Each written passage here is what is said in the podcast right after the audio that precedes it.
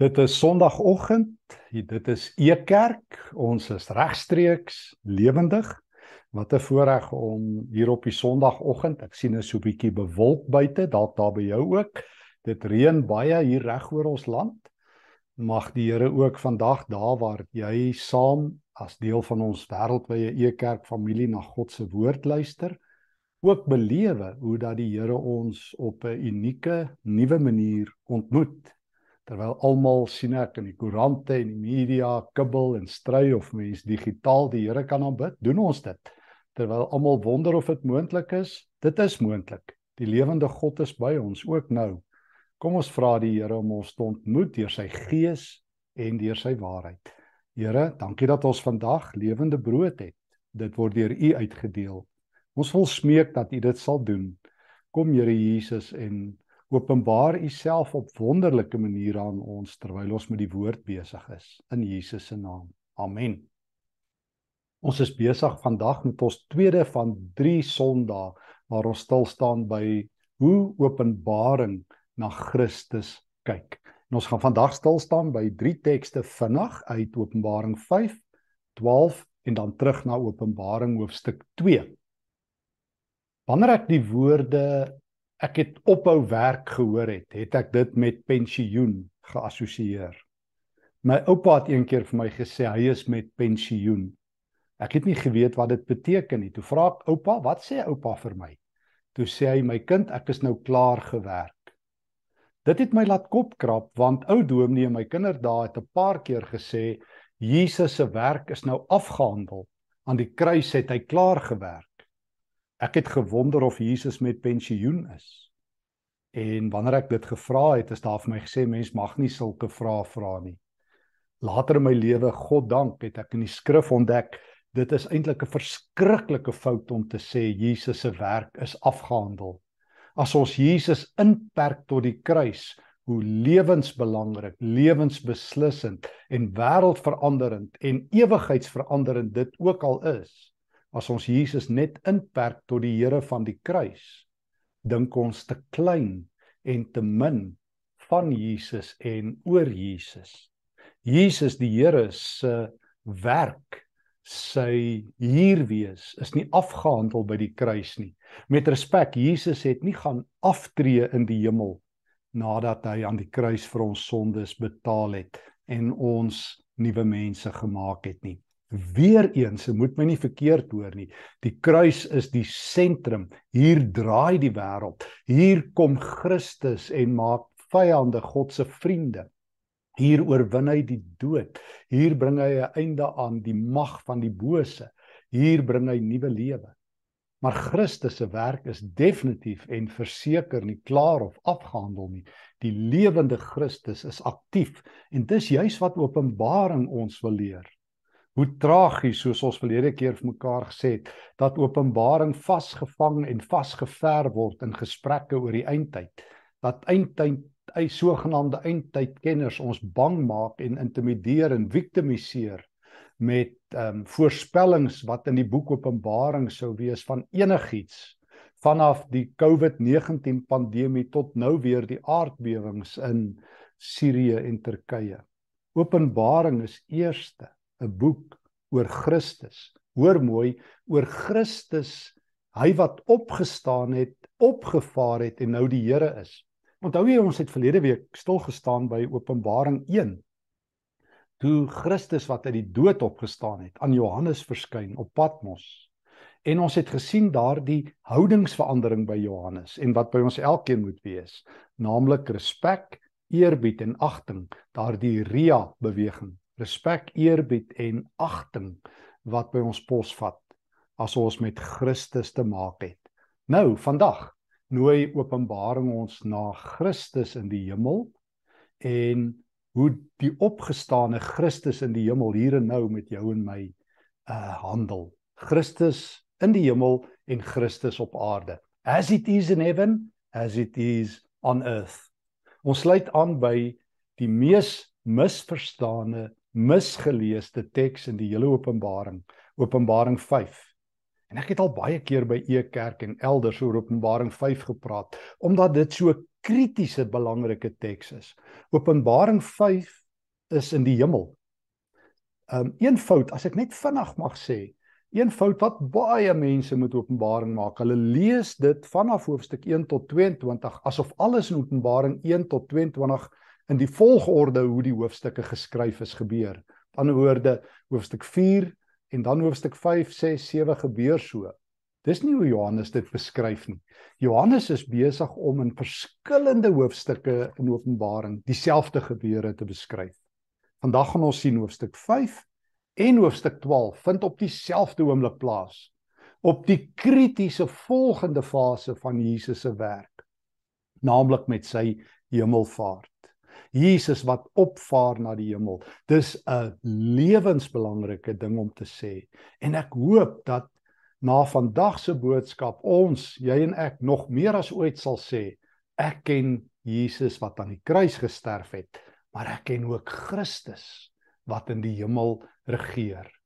Hoofstuk 5 breek aan wanneer Jesus in die hemel instap na sy groot aardse stryd, na sy kruistog na sy opstanding uit die dood nadat hy hemel toe vaar soos wat Matteus 28 onthou jy of Lukas 24 of Handelinge 1 vertel.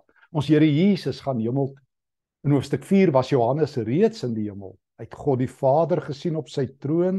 Hy het die sewe geeste naamlik die Heilige Gees in sy volheid gesien. Hy het die 24 ouderlinge gesien die hemelse kerk van alle eeue met ander woorde die vier lewende wesens met ander woorde die skepping wat daar verteenwoordig is net Christus ontbreek.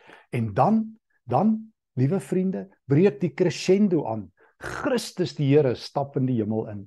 En kyk wat gebeur wat gebeur in ek sien toe ek sluit aan saam met jou Openbaring 5 vers 1 toe sien ek 'n boekrol in die regterhand van God wat op die troon sit daar in die hemel.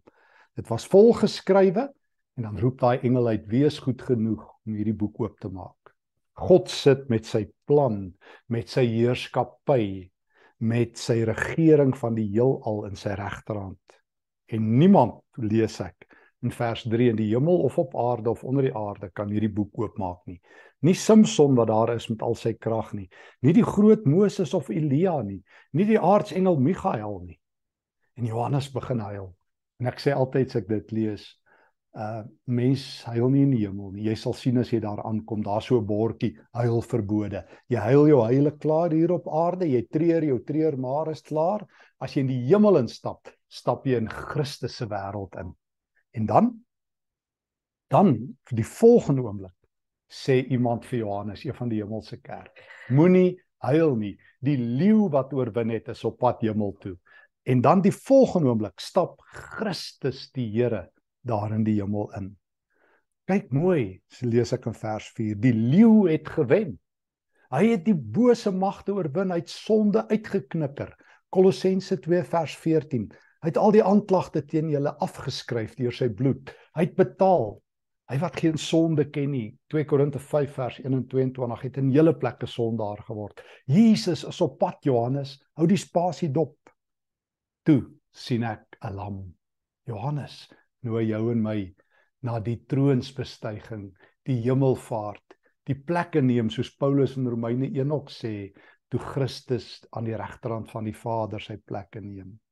Hy het daar gestaan as die een wat geslag is. Hy het sewe horings gehad en sewe oë, beeldspraak nie waar nie om sy mag uit te beeld.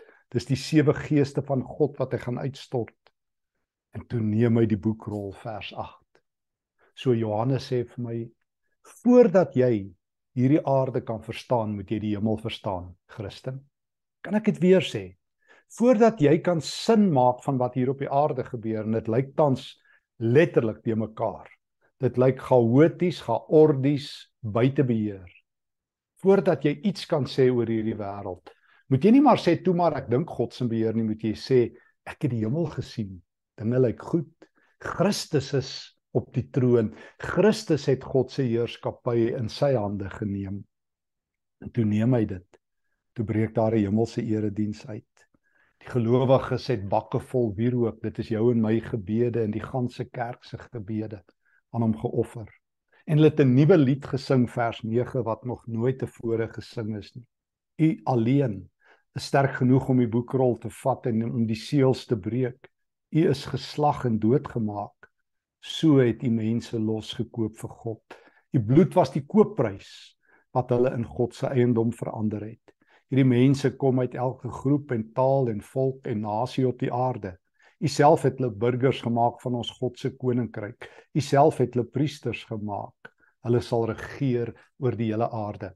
O voordat jy die aarde kan verstaan, voordat jy jou lewe kan verstaan, moet jy die hemel verstaan. En dit lyk vir my Christene het nie 'n baie goeie begrip van die hemel nie. Ek sien in die afgelope tyd trek daar weer so 'n foto op sosiale media rond, iets met so opskrif soos die eerste oomblikke in die hemel. En dan wys dit hoe mense mekaar omhels. Die hemel gaan 'n plek wees waar jy weer al jou familie en jou geliefdes en jou vriende sien. Dit gaan 'n groot familiereunie wees. Nee, sê die Nuwe Testament. Nee, duisendmal nee, dis nie die eerste plek 'n familiereunie nie. Jesus red jou nie sodat jy jou familie eendag kan sien nie. Ja, God dank, jy sal hulle ook sien, prys die Here. Daaroor is die Bybel nie onduidelik nie, maar jy gaan hom Christus te sien. En soos ek altyd vir mense sê, as Christus nie jou lewe is nie, gaan die hemel nie jou lewe wees nie. As jy by die verkeerde plek, as jy 'n familiereunie wil hê, as jy net weer jou geliefdes wil sien en Jesus moet die daai funksie vir jou reël, dan het jy hom nie regtig nodig nie. Ek sê altyd vir mense wanneer hulle my vertel hulle het nou 'n boek oor die hemel gelees dan sê ek het jy die Nuwe Testament gelees. En vir my is die groot toets in enige boek waar mense sogenaamde openbarings van die hemel het, wat 'n rol speel Christus. Want Christus, so vertel Openbaring 7 is nog in die nuwe Jerusalem ons herder. Ons het hom ook in die hemel nodig. Daar moet hy ons ook bly. Hy reël nie maar net die hemel en dan staan hy uit die pad uit nie. Hy's nie maar net 'n verskaffer van 'n religieuse diens genaamd ewige lewe nie. Want dis wat baie mense van Jesus maak. Ek gee my hart vir hom, hy gee vir my ewige lewe en dat ek eintlik nie vir Jesus nodig nie. Dan wil ek net my familie sien en in ewige vrede lewe. Nee, Christus die Here is op die troon. Christus die Here neem alle mag. Christus die Here regeer oor die hele heelal. En ek wil nie soos baie mense sê toe maar God is maar in beheer. Want baie mense as dit as hulle dit vir my sê, klink dit eintlik na ongeloof eerder as 'n geloofsbelijdenis. Ek wil kragtig en helder en duidelik bely Christus is die Here. Ek het saam met Johannes in die hemel ingekyk. Hy regeer die hele heelal. Dit wat Paulus in Kolossense 1 sê, alles is deur hom en vir hom en tot hom gemaak. Hy is bo alle dinge. Ek het dit gesien in die geloof. Dit wat Hebreërs 1 vers 1 en 2 sê, Christus is die afbeelding, die afskynsel, die karakter van die ewige God. Ek het dit gesien. Dit wat Paulus in Filippense 2 vers 9 tot 11 uitroep, voor hom sal elke knie buig en elke tong bely Christus is die Here. Ek het dit gesien. Kom kyk. Soos wat dit in die hemel is, Christus is die Here. En hy maak ons konings en priesters en ons sal vir altyd regeer. Al is hierdie lewe donker en swaar, Christus regeer. Al gaan ek hier dood, al ly ek, al word my bloed hier gestort, al steel hulle my geld, al verval alles in korrupsie en stikkindheid. Johannes, jy wat op pad mos 'n gevangene is, sien eers die hemel voordat jy na die aarde kyk. Kyk eers wie is Christus? Jy sê hy is jou Here. Kom kyk waar is hy? Hy regeer. En dan in hoofstuk volgende vinnige fotoflits op daardie selfde oomblik wanneer Christus in die hemel instap. Ek sê weer Openbaring lees ons so, maar baie dinge gebeur gelyktydig. Openbaring wissel die heeltyd tussen hemel en aarde, tussen Christus se eerste en tweede koms. En dan in hoofstuk 12 is Johannes weer 'n keer by Jesus se hemelvaart. Hy vertel jy kan die teks lees dat daar was 'n teken in die hemel. Hy gebruik nuwe beeldryke taal om Jesus se hemelvaart te beskryf. Maar eers vertel hy op die aarde is daar 'n vrou en sy het geboorte gegee aan 'n kindjie en dan is daar 'n draak en en dan sê Johannes vir ons in 12 vers 3 dis die Satan. En hierdie draak val die vrou se kindjie aan en ons hoor hierdie kindjie is Jesus. En dan hoor ek en ek lees saam met jou. Toe bring die vrou vers 5 'n kind in die wêreld Hy was gereed om soos 'n herder oor die nasies te heers. Dis ons Here Jesus. Hy doen dit met sy herderlike staf en met sy groot krag. Haar kind is toe weggeruk na die hemel toe. Hy daar op sy troon gaan sit. Dis ons Here Jesus se hemelvaart. Net soos in hoofstuk 5, hoor ek wie is Jesus? Ja, hy's die Here van die kruis. Maar hy's die herder koning wat op die troon van God sit, wat die boekrol geneem het. So wie is Jesus vir jou? Net die persoon wat vir jou sondes gesterf het, dan skuld jy jouself 'n ruimer kyk. Openbaring sê dit vir jou.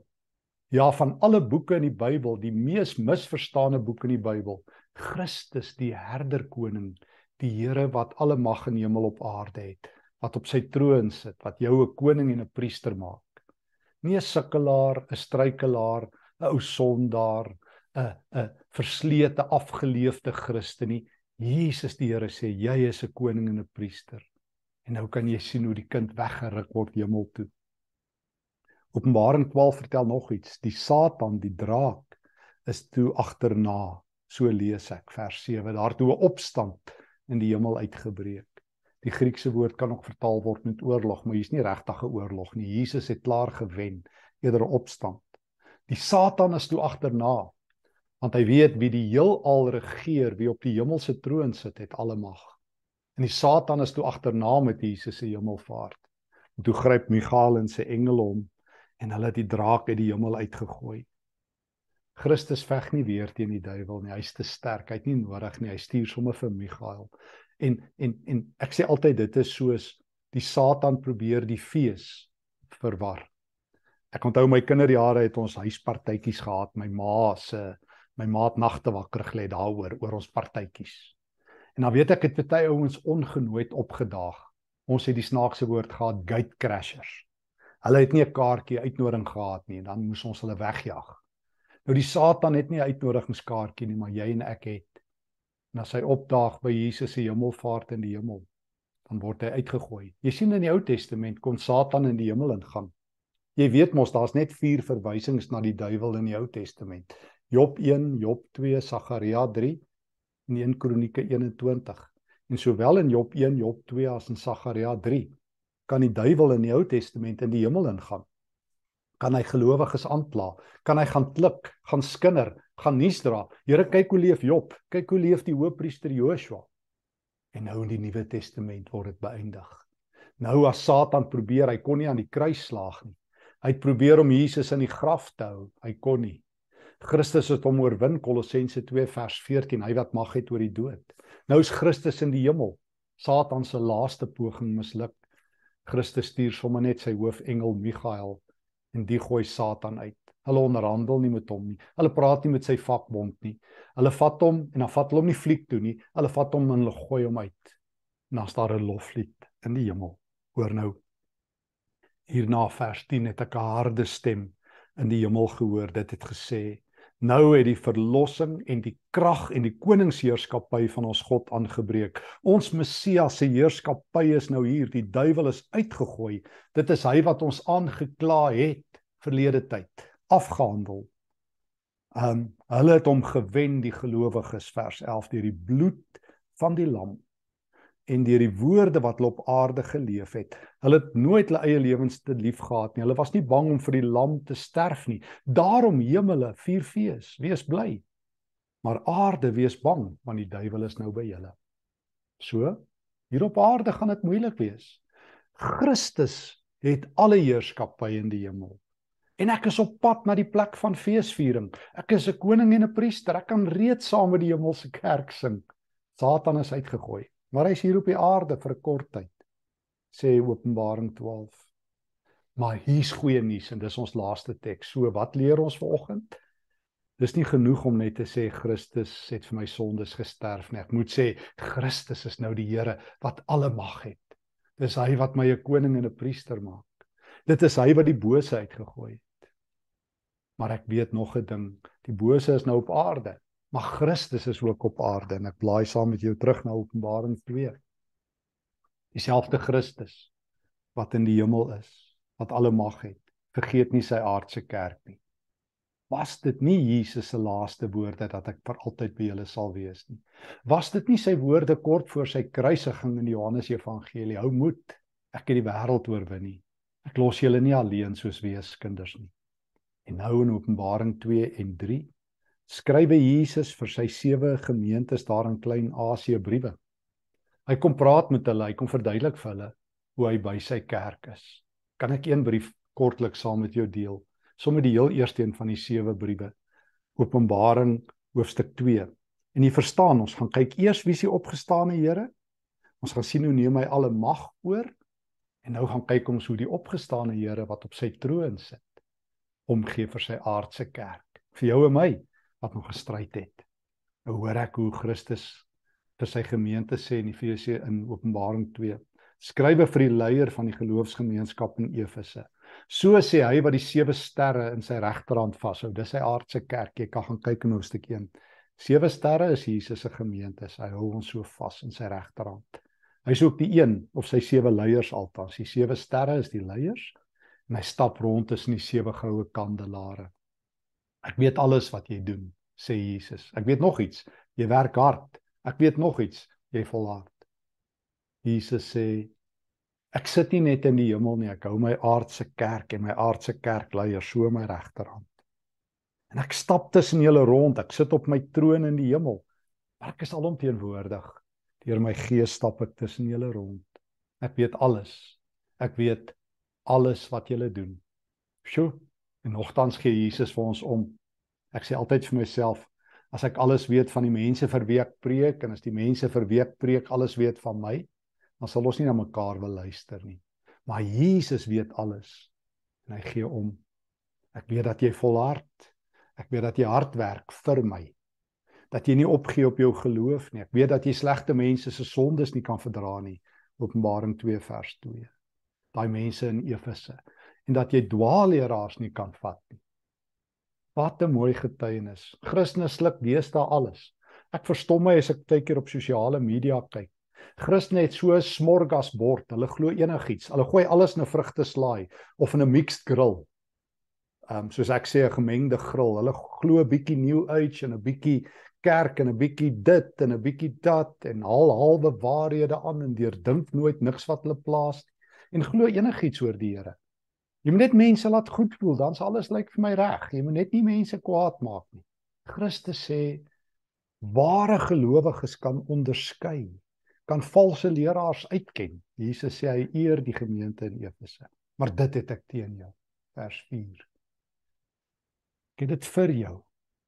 Jy het jou eerste liefde verloor waarmee jy my liefgehad het. Jy het my nie meer so lief soos aan die begin nie. Let op hoe ver jy geval het van waar af jy begin het. Bekeer jou, doen weer al die goeie dinge wat jy vroeër gedoen het, anders sal ek jou kandelaar kom wegneem.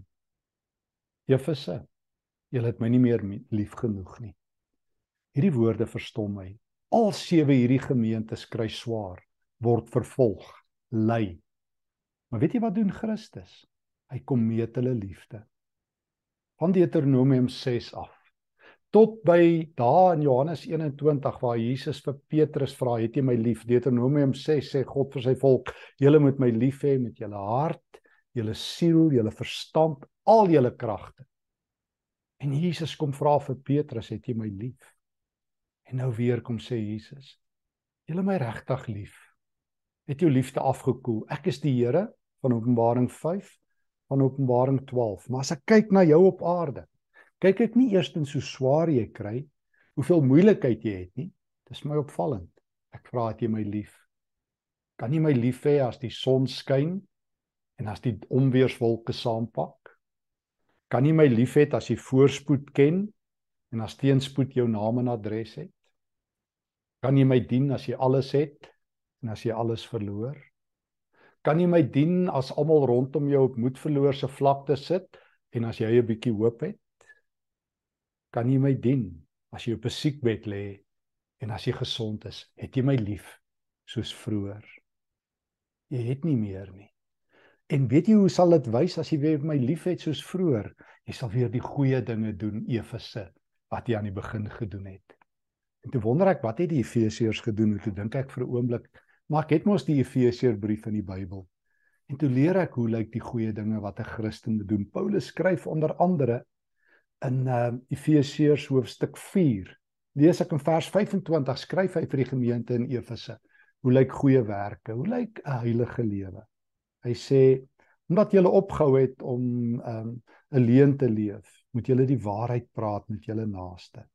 Vers 26 van Efesiërs 4. Wees kwaad oor onreg, maar moenie sonde doen nie. Moenie dat die son sak terwyl jy woede nog nie gesak het nie. Vers 27. Moenie vir die duiwel enige spasie of wat plek in jou lewe gee nie. Elkeen wat 'n dief was, moet ophou om te steel. Hy moet kies om hard te werk. Hy moet goed doen met sy eie hande. Dan het hy iets om te deel met ander wat niks het nie. Moenie toelaat dat vulgêre en beledigende woorde ooit uit jou mond gehoor word nie. Gebruik net woorde wat goed is en wat ander mense help. Laat julle woorde ander opbou in hulle geloof soos wat dit nodig mag wees. Moenie die Heilige Gees van God hartseer maak nie. Hy is die seël en die stempel op julle lewe. Hy waarborg dat die dag van die Here vir julle die dag van verlossing sal wees. Sy stap elke vorm van verbitterdheid, emosionele uitbarstings en woede bye. 'n Geskreeu op mekaar, verdagmakery en 'n gevloek.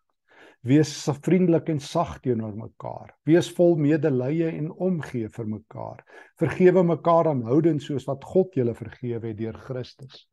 So lyk die goeie lewe. So die opgestane Here sit op sy troon. Openbaring 5. Hy het alle mag. Jesus het alle mag. Nie die regerings van ons dag, nie die korruptes, die misdadigers, die maffiabase nie, Christus het. Die bose gaan nie vir altyd die septer swaai nie. Ja, hy's op die aarde aan die gang.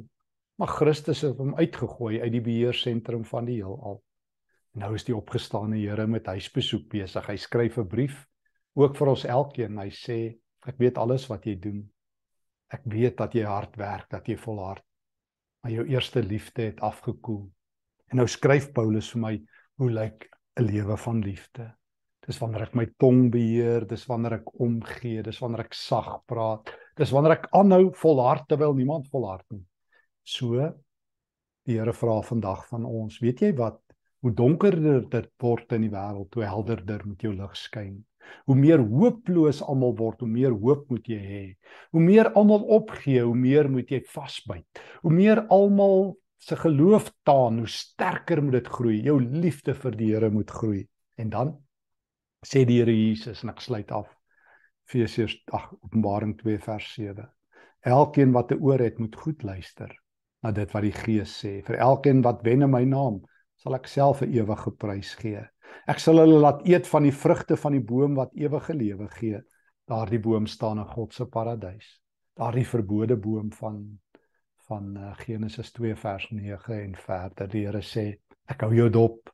En as jy wen wag daar hierdie plek by my. En jy gaan wen. Ek het my gees aan jou gegee. Dus maak vas jou geestelike skoenveter, staan op in die naam van die Here. In die hemel het ek gewen, sorg dat op aarde jou lewe dit ook sê. Moenie net hoop op die hemel nie, leef intussen vir Jesus op aarde. Wanneer jy reg vir hom lewe, is jou plek gewaarborg. Christus is jou Here. Jy het die hemel gesien. Hy is ook hier by jou op aarde. Ek het kom kuier sê Jesus, ek weet alles wat jy doen en ek gee my gees aan jou en ek roep jou op tot my standaard, nie tot Suid-Afrika of die res se standaard nie, want dit is substandaard. Leef op my standaard en jy sal die Here sien. Hoor die woord van die Here. Kom ons bid. Ag Here, ek moet bely hier waar ek sit, ek is nie op u standaard nie. Ek het u nie so lief soos vroeër nie. Ek het afgekoel stoot die vuur van die gees in my lewe in. Gee dat die gees se warmte my sal aanwakker en aanspoor tot volharding. Gee dat ek soos Efesiërs 4 my leer 'n heilige lewe sal lewe waar my woorde, my lippe, my hele lewe deur U aangeraak is. Ek stel myself op nie tot U beskikking. Here Jesus, dankie dat ek vandag kan sien U regeer. Dat ek saam met Openbaring 5 in die hemel kan instap en in Openbaring 12 kan sien jy die bose uitgegooi. Leer my om hier op aarde ook so te lewe totdat hy my kom haal. Amen. Jesus is op pad. Hy kom om ons te kom haal. Maar intussen is hy by ons. Hy het alle mag in hemel en op aarde. Mag dit jou troos wees. Dankie dat jy deel is van U kerk en dankie dat jy deel is van ons groot geloofsfamilie. Mag die Here jou vandag en elke dag totdat hy weer kom, jou ryklik seën. Vrede.